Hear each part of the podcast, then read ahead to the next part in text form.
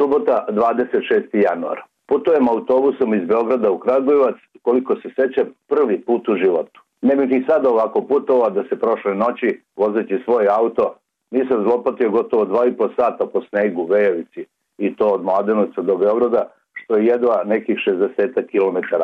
U Mladenovac sam išao na poziv tamošnjeg građanskog parlamenta koji vode mladi i pametni ljudi kako bih učestvovao zajedno sa njima na njihovim demonstracijama i govorio protiv Aleksandra Vučića, odnosno njegovog režima. Sneg je sipao i sipao kao da diktator ima ugovor sa meteorološkim džavolom, a ja sam ispred spomenika palim borcima u Mladenovicu objašnjavao da Vučić mora pasti samo dva razloga. Ne radi ono što treba kao predsjednik države, a radi ono što ne sme kao predsjednik države. Gazi ustav, krši zakone i ponižava ljude. Istim sam povodom, poborno protiv režima i u svom rodnom gradu u kome zatičem još žešću atmosferu.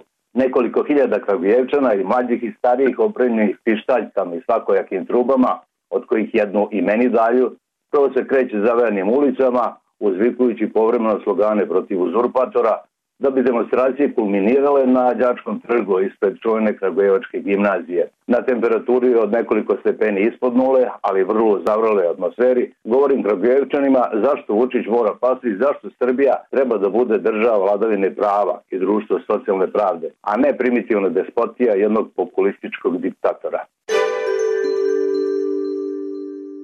Nedelja 27. januar.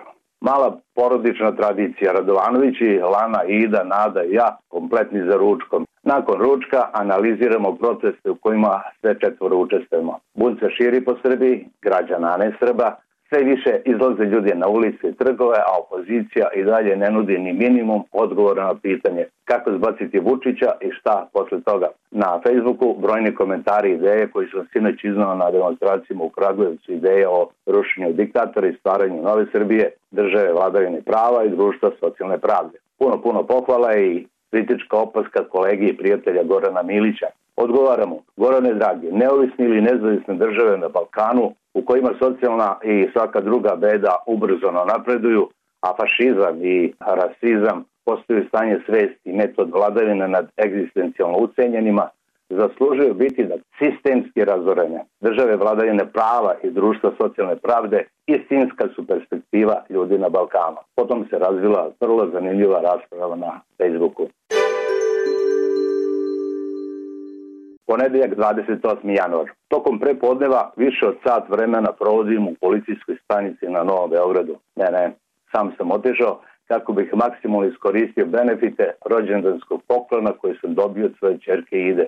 30 časova vežbanja u teretani i to pod dvojstvom stručnog trenera. Trener mi je inače tri puta mlađi od mene. Sa posebnim zadovoljstvom odgovaram na pitanja koje mi Ognjan postavlja u novinarstvu, filmu, građanskoj neposlušnosti vedskoj civilizaciji, Jugoslaviji, ma o svemu. Kakav međugeneracijski dijalog. Utorak, 29. januar. Kada smo previše od 20 godina za vreme zločinačkog režima Slobodana Miloševića osnivali dnevni list danas, nisam mogao ni zamisliti da će moj list i u drugoj polovini 21. veka biti, nažalost, jedini nezavisni i slobodni dnevnik u Srbiji. Vladar Aleksandar Vučić, koji je u ulozi predsjednika države, gazeći ustav, uspešno uzurpirao izvršnu zakonodavnu i sudsku vlast, triumfalno izjavljuje da list danas ne čita. Takva izjava predsjednika, koja marketinški čak i ne zvuči loše, zapravo ima pogubne posljedice. Nije malo onih koji mogu, ali se i ne usuđuju dati oglas danasu koji Vučić ne čita. I na dašnjoj prvoj strani danasa antologijska fotografija. Čedomir Jovanović, predsjednik LDP-a, sam sedi u Skupštini Srbije, čija zasedanja bojkotuju poslanici opozicije. Zapravo da i nije sam, jer par metara od njega u skupštinskim klupama sedi i formalno opozicijeni poslanik Vojislav Šešelj, osuđeni ratni zločinac i politički učitelj Aleksandar Vučića.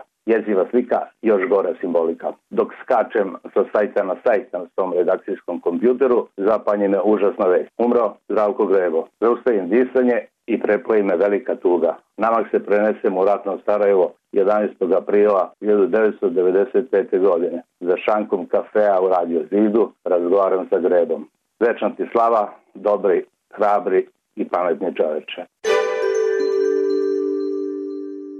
Sreda, 30. januar. Prošle sedmice sam se dogovorio sa Ademirom Kenovićem, proslavljenim jugoslovenskim, evropskim i bosanskim rediteljem, da za moju rubriku Danas su ljudi sećenja izmontira 20 kadrova iz svog životnog filma. Glatko je prihvatio, stara smo raja, još mi pošalje fotku, prepunu lepote i duše. Ponosni tata Kena, svoje četiri nasmijene, prelepe čerke, baš tako. Danas me Kenović zove i glasom prepunim tuge kaže mi da nema koncentracije da tekst završi na vreme. Toliko ga je potresla smrt prijatelja Zdravka Greba. A razumemo se, svoje će mi sećanja Kenović poslati sljedeće sedmice.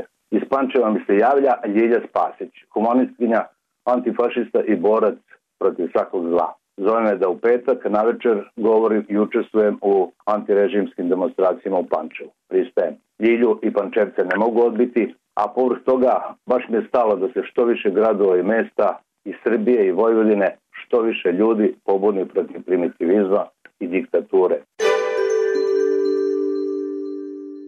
Četvrtak, 31. januar. Život i svakodnevna zadovoljstva čine, kao što znamo, male stvari. A ja sam danas sebi priuštio jedno veliko zadovoljstvo. Savladao sam Googleovu lekciju pisanje glasom i osjetio zadovoljstvo kao nekada davno kada bih dobio dugo čekao na igračku ili sam napravio luk i strelu.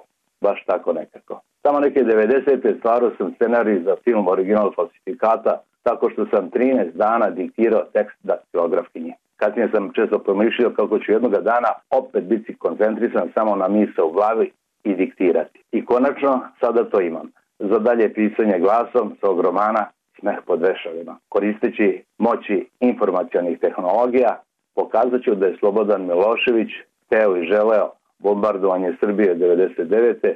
više nego Wesley Clark, glavno komandići NATO-a, što ovog drugog ne abolira za počinjene zločine.